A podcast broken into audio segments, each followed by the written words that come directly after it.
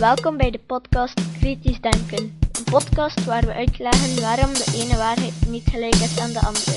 En hoe je kan uitwissen waarom de ene waarheid juister is dan de andere. Waar we uitleggen waarom het belangrijk is om alles kritisch te bekijken, ook deze podcast. Goeiedag, het is vandaag zondag 2 mei 2010. Ik ben Jozef van Giel en dit is de 53ste aflevering van deze podcast. De Grieken en de Romeinen zijn een verzinsel. Stelt u zich voor dat u leraar Romeinse geschiedenis en Latijn bent. Vol geestdrift om uw enthousiasme voor de oude wereld over te brengen, de elegische gedichten van Ovidius en de oden van Horatius, de bondige doeltreffendheid van de Latijnse grammatica in de redevoering van Cicero, de strategische finesses van de Punische oorlogen, het generaalschap van Julius Caesar en de weelderige excessen van de latere keizers, dat is een grote onderneming, die kost concentratie en toewijding. Uw kostbare tijd blijkt echter voortdurend in beslag te worden genomen en de aandacht van uw klas voortdurend te worden afgeleid door een luidruchtig clubje ignoramussen. Als kenner van het Latijn zou u niet de vergissing begaan hen ignorami te noemen die, voorzien van stevige politieke en vooral financiële ondersteuning, onvermoeibaar proberen uw onfortuinlijke pupillen ervan te overtuigen dat de Romeinen nooit hebben bestaan. Het Romeinse Rijk is nooit geweest. De hele wereld ontstond pas kort voor het moment waar onze levende herinneringen teruggaan. Spaans, Italiaans, Frans, Portugees, Catalaans, Occitaans en Roemeens al deze talen en hun dialecten ontstonden spontaan en onafhankelijk van elkaar en hebben niets te danken aan een voorganger zoals het Latijn. In plaats van uw volle aandacht aan uw nobele roeping van klassicus en leraar te kunnen wijden, wordt u gedwongen uw tijd en energie te besteden aan een verdediging in de rug tegen de bewering dat de Romeinen helemaal nooit hebben bestaan. U verdedigt zich tegen een uiting van onwetende vooringenomenheid, waarvan u tranen in de ogen zou krijgen als u er niet zo druk tegen hoefde te vechten. Lijkt mijn verzinsel over de leraar Latijn al te onwaarschijnlijk, dan heb ik hier een realistischer voorbeeld. Stelt u zich voor dat u een leraar moderne geschiedenis bent en uw lessen over het Europa van de 20ste eeuw worden geboycott, verstoord of anderszins onmogelijk gemaakt door goed georganiseerde en gefinancierde machtige groepen holocaustontkenners. In tegenstelling tot mijn Rome-ontkenners bestaan holocaustontkenners echt. Ze laten van zich horen, lijken oppervlakkig bezien een aannemelijk standpunt in te nemen en zijn experts in het zich geleerd doen voorkomen. Ze worden door de president van minstens één momenteel machtige staat ondersteund en onder hen is minstens één bisschop van de Rooms-Katholieke Kerk. Stelt u zich voor dat u, als onderwijzer Europese geschiedenis voortdurend wordt bestookt met strijdlustige eisen om de controverse te onderwijzen en om evenveel tijd te besteden aan de alternatieve theorie dat de holocaust nooit heeft plaatsgevonden, maar door een stelletje zionistische oplichters uit de duim is gezogen. Intellectuelen die zich volgens de heersende mode relativerend opstellen, bevestigen dat de absolute waarheid niet bestaat. Of de holocaust heeft plaatsgenomen is een kwestie van persoonlijk geloof. Alle zienswijzen zijn even geldig en zouden evenzeer gerespecteerd moeten worden. De situatie waarin veel biologiedocenten zich vandaag de dag bevinden, is niet minder benard. Wanneer zij een poging doen het centrale en leidende principe van de biologie uit te leggen, wanneer zij in alle oprechtheid de levende wereld in zijn historische context willen plaatsen, en dat is evolutie, wanneer zij het leven in zijn diepste wezen proberen te doorgronden en uit te leggen, dan worden zij lastiggevallen en gedwarsboomd, gekoeioneerd en geïntimideerd, zelfs bedreigd met het verlies van hun baan. In het beste geval verdoen ze bij iedere oprisping van protest weer wat van hun kostbare tijd. Ze lopen een grote kans dreigende brieven van ouders te ontvangen en de smalende gezichten te moeten ondergaan van gehersengespoelde kinderen met de armen stijf over elkaar.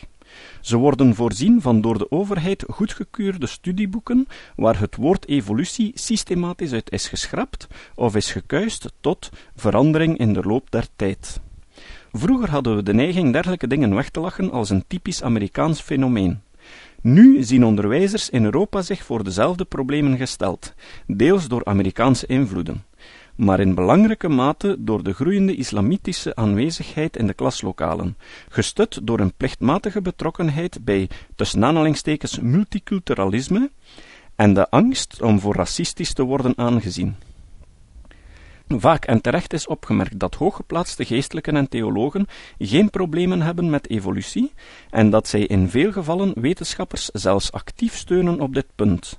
Dit is vaak het geval, zoals ik kan bevestigen op grond van mijn eigen prettige samenwerking met de toenmalige bisschop van Oxford, nu Lord Harris, bij twee afzonderlijke gelegenheden. In 2004 schreven wij samen een artikel in de Sunday Times dat afsloot met de woorden: Vandaag de dag is er niets meer om over te twisten. Evolutie is een feit en vanuit christelijk perspectief een van de grootste werken Gods. De laatste zin was van de hand van Richard Harris, maar over al het andere dat in het artikel stond, waren we het eens. Twee jaar geleden hadden bisschop Harris en ik een gezamenlijke brief geschreven aan de toenmalige premier Tony Blair met de volgende tekst. Geachte premier, wij schrijven u als groep wetenschappers en bisschoppen om onze zorg uit te spreken over het wetenschappelijke onderwijs op het Emmanuel City Technology College in Gateshead.